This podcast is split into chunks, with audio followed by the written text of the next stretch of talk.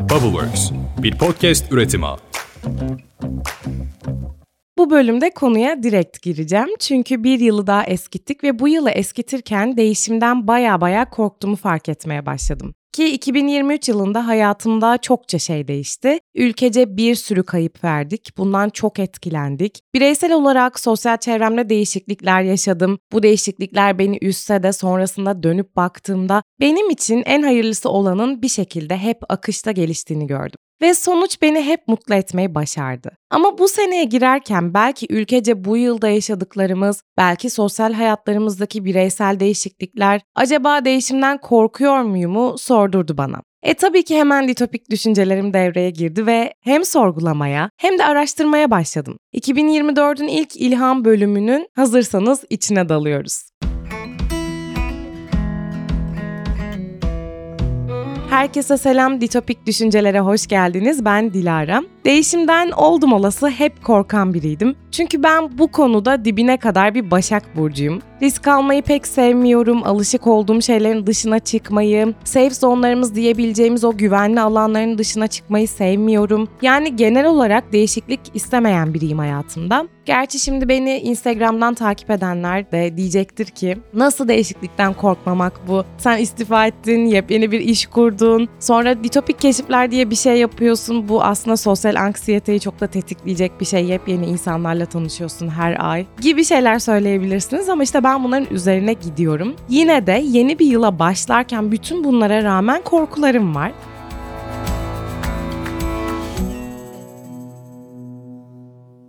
Genel olarak değişiklik istemeyen biriyim hayatımda ama bunların üzerine giden biriyim. Ve baktığımızda bu sürekli gelişmeye çalışan biri için değişiklik istememek pek de mümkün değil. Yani bu hayatta sürekli olarak gelişmek istiyorsanız değişime de açık olmak zorundasınız. Yani risk almayı sevmemek bir noktada bizleri yavaşlatıyor. Risk almak istemiyoruz çünkü değişikliğin getirdiği belirsizlikleri görmek istemiyoruz. Derken kilit kelimeyi biraz hızlı bulmuştum. Belirsizlik. Aslında biz değişiklikten ziyade belirsizlikten rahatsız oluyorduk. Peki belirsizlik neden korku yaratıyordu? Şöyle ki, belirsizlik durumunda ortaya çıkan korkunun temelinde güvende hissetme ihtiyacı var. Çünkü kişinin bildiği düzen ne kadar acı verse de bilmediğine göre daha alışıla geldik ve tanıdık. Yani buna konfor alanında hissetme diyoruz. Başka bir bakış açısıyla rutinlerimiz içinde konforlu hissetmek de diyebiliriz. Yapılan araştırmalara göre günlük hayatta belli bir rutini olan kişilerin psikolojik sağlığının daha iyi düzeyde olduğu görülmüş. Bu nedenle her insan değişime karşı önce direnmeyi seçiyor aslında. Yani birimiz daha az dirençli oluyor, birimiz daha çok dirençli oluyor. Çünkü bu rutinlerimiz içinde oldukça rahat hissediyoruz ve kim rahatı bozulsun ister ki? Tabii bir de böyle kurtlu olanlar vardır ya hani rahatın içinde bile o rahat batan insanlar işte aslında onlar değişiklik seven insanlar. Çünkü alışılagelmiş olandan diğerleri için vazgeçmek zor ama onlar için daha kolay. Peki diğerleri için neden zor? Neden yapmak istemiyoruz bunu? Değişimden neden bu kadar korkuyoruz? Yenilikten korkmanın öncelikle bir adı varmış. Bunu bir öğrenelim. Neofobi. Şöyle açıklıyorlar neofobiyi. Bazılarımızın yaşanan yenilikler için heyecan ve mutluluk duyarken bazılarımızın endişe ve kaygı duyması. Mesela yeni yıla girerken kimimiz 2024'ü heyecanla bekliyorum diyor. Kimimiz yeni bir yıla girmeye korkuyorum. Geçen sene başımıza neler neler geldi diyor. Ya da bazılarımız alışkanlıklarından ve bildikleri doğrulardan vazgeçmek için çok zorlanıyor. İşte bu durumda bu tip insanların yeniliklere kapalı olmalarına ve değişime direnmelerine sebep olan çok ileri düzeydeki bir yenilik korkusu hali neofobiya. Araştırmak isterseniz Fear of Future ya da The Fear of Change olarak da geçiyor bu korku. Peki neden değişimden kaçmak istiyoruz? İlk olarak belirsizlik dedik. Bu çok doğru. Şimdi ikinci bir seçenek de aslında aile öğretileri ki psikolojide biliyorsunuz her şeyin temelinde çocukluk yatıyor. Eğer çocukluğunuzda büyük bir yenilik yaşadıktan sonra çok zorlu bir süreçten geçtiyseniz, psikolojik anlamda çok zorlandıysanız aslında bunun da bir sebebi bu olabilir. Benim eğer diğer podcastlerimi dinliyorsanız bilirsiniz. Çok küçük bir yaşımda biz Trabzon'a taşınmıştık herhalde 8 yaşında falan falan ve o değişiklik çok ağır gelmişti. Bir çocuk bedenine bu kadar ağır gelmesi mesela çok anlaşılabilir gelmiyor belki sizlere. Ama mesela ben 8 yaşımda büyük bir şehir değişikliğinden sonra ciddi bir depresyona girmiş ve antidepresan kullanmaya başlamıştım. Yani aslında çocukluğumuzda yaşadığımız şeyler de değişimden kaçmamıza sebep olabiliyor. Belirsizlikten sonraki ikinci neden belki de çocukluk travmalarımız bizi tetikleyen şeyler de olabiliyor. Tabii bunu öğrenmek için terapiye de başvurabilirsiniz. Belki o tetikleyen şeylerinizi bulmanızda aslında en iyi yol terapi almak. Şimdi biz biraz daha hani böyle kendimizin bireysel yapabileceği şeylere bakarsak bir diğer sebep de aslında yakın zamanda yaşadığımız deneyimlerden gözümüzün korkmuş olması diyebiliriz. Yani aslında tekrar bunu da terapiyle çözebiliriz ama işte çocukluk gibi eski olmayan travmalarımızın daha yakın zamanlardaki travmaların aslında yetişkinlikte biraz daha fark edilebilecek şeyler olduğunu görebiliriz. Mesela geçen sene yaşadığımız depremler çok yeni, daha bir yıl olmadı. Şubat'ta bir yıl olacak. Bu sene yeni yıla girerken korkmamıza sebep olabiliyor. Ama aslında bunların üzerine gidersek bu kadar yenilikten korkmamaya, değişiklikten korkmamaya başlayabiliriz. Ve işte bazı adımların atılmasının da bu kadar zor olmasının nedeni bize bazı travmaları hatırlatması.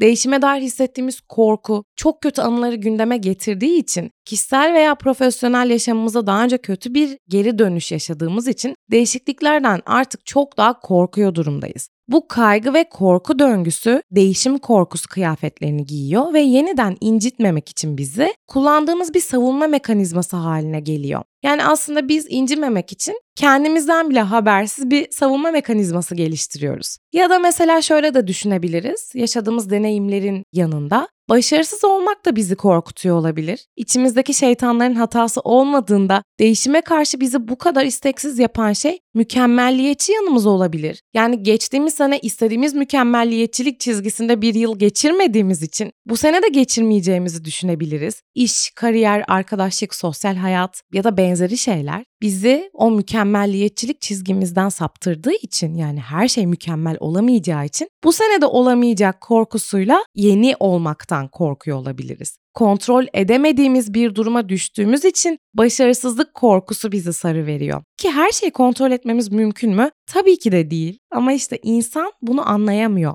Neofobik kalıcı bir değişim korkusu aslında. Yeni, tuhaf veya tanıdık olmayan bir şeyle ilgili irrasyonel bir değişim korkusu çoğunlukla yeni yiyeceklere, yeni yerlere veya yeni fikirlere duyulan korkuyla ilişkilendiriliyor aslında. Tıpkı işte bahsettiğimiz bu yeni yıla girme korkusu gibi. Aslında bu yeni bir fikir belki işte o mükemmelliyetçilik duygusuyla ilgili belirsizlikleri içerdiği için korku yaratıyor. Bütün bunların değişmesinden özellikle de işte böyle yeni adımlar atmaktan korkmamızın en temel sebebi belirsizlik dedik. Sonuçta gelip biri bize bu yılın işte bu işin bu kararın muazzam geçeceğini, her şeyin harika olacağını söylese bu kadar endişeli olur muyuz? Elbette olmayız ama önümüzde bizi neyin beklediğini bilmemek, nasıl üzüntüler yaşayacağımızı kestirememek elbette bizi belirsizlik korkusuna itiyor. Yenilik adı üstünde aslında bizim için henüz bilinmeyen ve tecrübelenemeyen değişimler demek. E bu durumla baş etmeye benimle burada ditopik düşüncelerde başlamak isterseniz ben şu an başlıyorum. Aslında bir noktada bu duruma ihtiyaç olarak bakarak başlayacağım ben.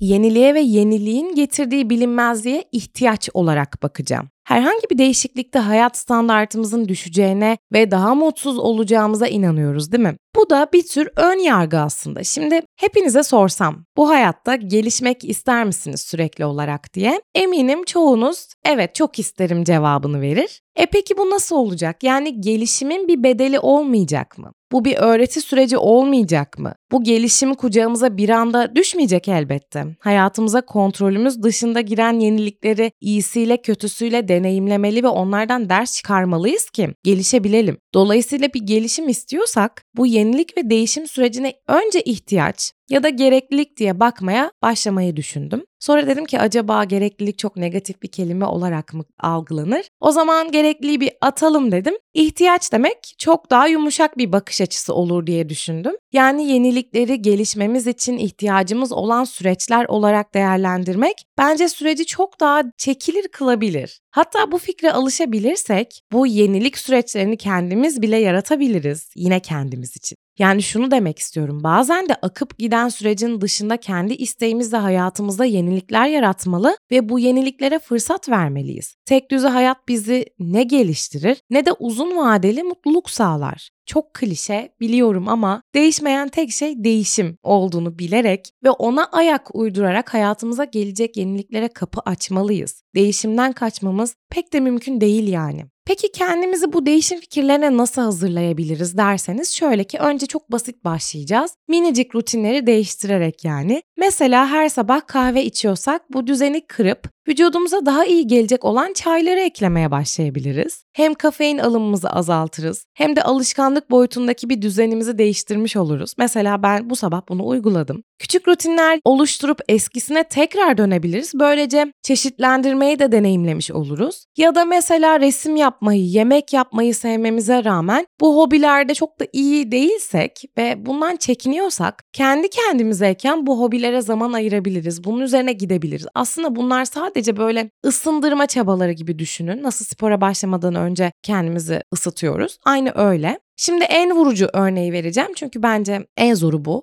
Alıştığımız için konfor alanımız haline gelmiş insanlardan ve olaylardan kurtulup bize yarar sağlayacak yeniliklere ve değişimlere yer açabiliriz. Böylelikle eski ve alışılmışın bizim için her zaman en iyisi olduğu düşüncesinden kurtulmaya başlayabiliriz. Şöyle düşünün, düzenli görüştüğünüz arkadaşınız ya da yakınınız olan insan, insanlar var ama aslında bu görüşmeler size pek de iyi gelmiyor. Fakat bu insanlarla görüşmek sizin için bir rutin veya alışkanlık veya veya konfor alanı olduğu için o insanlardan kopmak size zor geliyor. Bir düşünün bakalım bu insanlar size iyi geliyor mu? Sizi geliştiriyor mu? Sizi mutlu ediyor mu? Toksiklik var mı ortamda yoksa sadece varlıkları sizin için bir alışkanlık mı? Cevap olumsuz bir taraftaysa bu insanlarla aranıza mesafe koyarak ya da ilişkiyi keserek bile değişimi başlatabilirsiniz. Sonuçta hepsinin temelinde kendinize iyi gelmek var. Ufak görünse de bu değişimlere açılmaya başlamak, yeniliklere olan ön yargılarımızı kırmamıza yardım edecek. Değişimlere geniş pencereden bakıp bu yeniliklerin hayatımıza katabileceği iyilikleri canlandırmaya başlayabilmek bile bizi neofobiden kurtarabilir ya da uzaklaştırabilir. Üzerinde fazla düşünüp kaygı duymaya başlamaktansa durumları daha basit bakış açılarıyla değerlendirirsek yenilik ve değişimler eskisi kadar korkunç gelmeyecektir bize. Yani ihtiyaç olarak gördüğümüz değişimlerin ikinci ayağı da değişime ön yargılı bakmamak. Klişelerden gidiyoruz bugün ama burası bence tam da yeri. Düzenim bozulur, hayatım alt üst olur diye endişe etme. Nereden biliyorsun hayatının altının üstünden daha iyi olmadığını demiş ya hani Şems Tebrizi. Yani işte tam da bu zamanlar için demiş aslında. Yani neofobiyaya en güzel cevabı yine Şems Tebrizi vermiş. Aslında biraz da durumu sosyolojik açıdan değerlendirerek düşünebiliriz. Çünkü sorunun öyle tamamıyla bizde olmadığını da görerek bence bu durumu değerlendirmek önemli. Neden böyle diyorum aslında? Şimdi şöyle, biz pek de değişim seven bir toplumdan gelmiyoruz. Yani ailelerimizi, ebeveynlerimizi değişim, yenilik seven aileler yetiştirmedi. Onlar da değişim pek sevmiyorlardı yani. Düşünün biraz bu ülkenin başına gelmiş en büyük değişim Atatürk ve inkılapları. Onları bile ele alsak halk hala anlamakta bir kesimde zorlanıyor. 100 yıl geçmiş hala kabul edemeyenler var. Osmanlı'ya da baktığımızda neredeyse 600-650 yıllık bir saltanat vardı. Bu saltanat büyük bir deprem yaşamasına rağmen yani metaforik açıdan deprem diyorum. Zorluklarla Cumhuriyet rejimine çevrildi. Bu kadar derin inmeyelim desek her şey temelden geliyor ama. Siyasi hayatına bakalım toplumumuzun. 20 yıldır değişmeyen bir iktidar var. Hatta daha mı fazla? Bizim atalarımız değişime sıcak bakabilen bir kültürden gelmiyor ki. Hadi daha çekirdeğe inelim Türk aile yapısına. Bizim toplumumuzda radikal aile kararları, radikal kariyer değişiklikleri, farklı şehirlere yerleşme, çocukları kolaylıkla uzaklara yollamak bu tarz şeyler pek de yok. Yani olsa bile çok da mutlu yapmıyorlar bunları. Yani biz özünde değişim seven bir kültürden gelmiyoruz zaten. Ama bu böyle diye de olayı kabullenerek kolaya kaçamayız. Bir noktada bunu değiştiren kuşak olmak gerekiyor. Yine bize sorumluluk yükledim, özür dilerim. Ama aslında biraz da bu bizim elimizde. Konfor alanlarımızı değiştirebilmek, yeniliklere açık olabilmek aslında çok büyük bir lüks ve aslında değişim eşittir gelişim. Değişim süreci üzerine yaptığı çalışmalarla çok iyi bildiğimiz evrim teorisinin babası Charles Darwin'e göre mesela bir insanı güçlü yapan şey ne geldiği ırk ne de zekası. Onu güçlü yapan şey değişime karşı gösterdiği uyum ve adaptasyon. Aslında adaptasyon kelimesi de bu bölümün kelimelerinden biri olabilir. Adapte olabilmek de değişime direnç göstermemekle gelen bir şey çünkü. Ve aslında bize bahşedilen bu adaptasyon yeteneği bir lütuf. Düşünsenize bu hayatın tek düzelikten oluştuğunu, tıpkı Truman Show filmindeki gibi hep aynı şeyleri yapan bir kukla mı olsaydık mesela? Yazılmış, çizilmiş ve tek görevimiz oynamak gibi. Benim Instagram'da bununla ilgili içeriklerim vardı aslında. Düzenli takip edenler, eski takipçiler bilir. Bu arada Instagram demişken bizi Ditopik Düşünceler Podcast ve Dilara Sengul hesaplarından takip ederseniz bütün bu bahsettiğim şeylerin arka planlarıyla ilgili içerikleri de görürsünüz. Ayrıca Spotify'dan Ditopik Düşünceler Podcast'i de takip ederseniz bize daha çok destek olmuş olursunuz. Ve işte böyle takip ederseniz arka planlarını bilirsiniz dediğim içeriklerden biri de buydu. O içerikler bir seriydi Instagram'dan. Yani hayatınız bir film olsaydı ve başrolde de tabii ki siz oynasaydınız, bu filmde değişmez bir rutin içinde geçseydi siz o filmi izler miydiniz? İzlemezdiniz tabii ki de. Peki izlemeyeceğiniz filmi neden oynayasınız ki?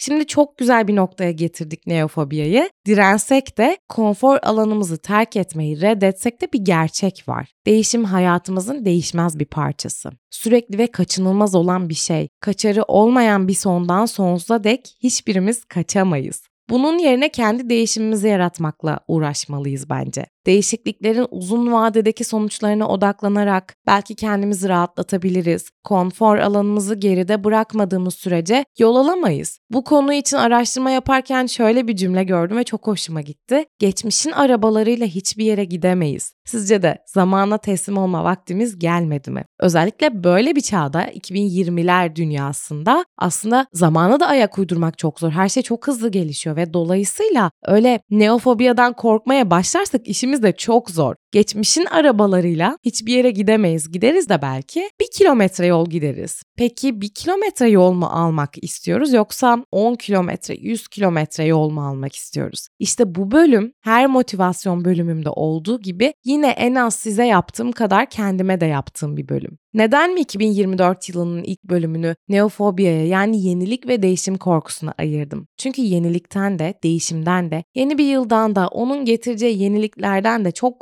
korktuğumu fark ettim. Geçen sene büyük bir coşkuyla yeni bir yıla girdikten sonra hayatımda çok şey değişmeye başlamış. Ardından hemen bir ay sonra depremler hepimizi çok sarsmıştı. Açıkçası 2023 beni çok çok sorgulatan, 6 ay sonranın planını yapsam ne olur yapmasam ne olur dedirten bir yıl oldu. Dolayısıyla yeni bir yıldan ve onun getireceklerinden çok korkmaya başlamıştım. Tıpkı biz küçükken magazin kanallarının yıl biterken bu sene kaybettiğimiz ünlü isimler içeriğini izlediğim zamanlardaki gibi hissediyordum. Bir yılın bizden alıp götüreceklerini bilmemek yani belirsizliğe düşmek beni içten içe çok üzünlendiriyordu. Ama bütün bunlara rağmen işte mesela keşif rotaları yapmaya başladım. Ditopik keşifler rotalarını beni takip edenler biliyor. Ve aslında böyle küçük küçük kendinize meydan okumalar yaratarak bunların üzerine gidebilirsiniz. Keşfetmek ve işte bu keşif rotalarını yapmak kendime yaptığım en büyük challenge'dı, meydan okumaydı. Ve ben bu rotalarda her gün yeni 5 kadınla tanışıyorum. Yani gelen rap kadın olduğu için öyle söylüyorum. Ve aslında hem sosyal anksiyetemin üzerine gidiyorum hem de değişime inanılmaz bir meydan okumayla o günü yepyeni bir değişimle kuruyorum. Ve işte sosyal anksiyeteye karşı başlayan bu yolculuğun bakın şimdi nereye geldi? İnanılmaz güzel keşif rotaları yaptığımız, yeni insanlarla tanıştığımız, içinde yeninin canlı kanlı bir şekilde olduğu keşfetmeye geldi. Keşfetmek için zaten yeniliğe, değişime açık olmak gerekiyor. Yoksa nasıl keşfedeceğiz? İşte o nedenle bu bölüm en az size olduğu kadar kendime de ve hissediyorum. Bu sene hayatımda bir sürü değişiklik olacak ve hepsi de beni geliştirecek, iyileştirecek. Yeni bir düzen, yeni bir gidişat bana yeni bakış açıları kazandıracak ve her şeyden önemlisi gelişmek için buna ihtiyacım var yeniliğe, değişime ihtiyacım var. Siz de belki bu cümleyi söyleyerek hayatınıza 2024 yılında yepyeni bir bakış açısıyla bakabilirsiniz. Sonuçta geçmişin arabasıyla nasıl istediğimiz yolları kat edebiliriz ki? Ne dersiniz? Hala aynı şekilde değişimden korkuyor muyuz? Bir sonraki bölümde görüşmek üzere. Bay bay.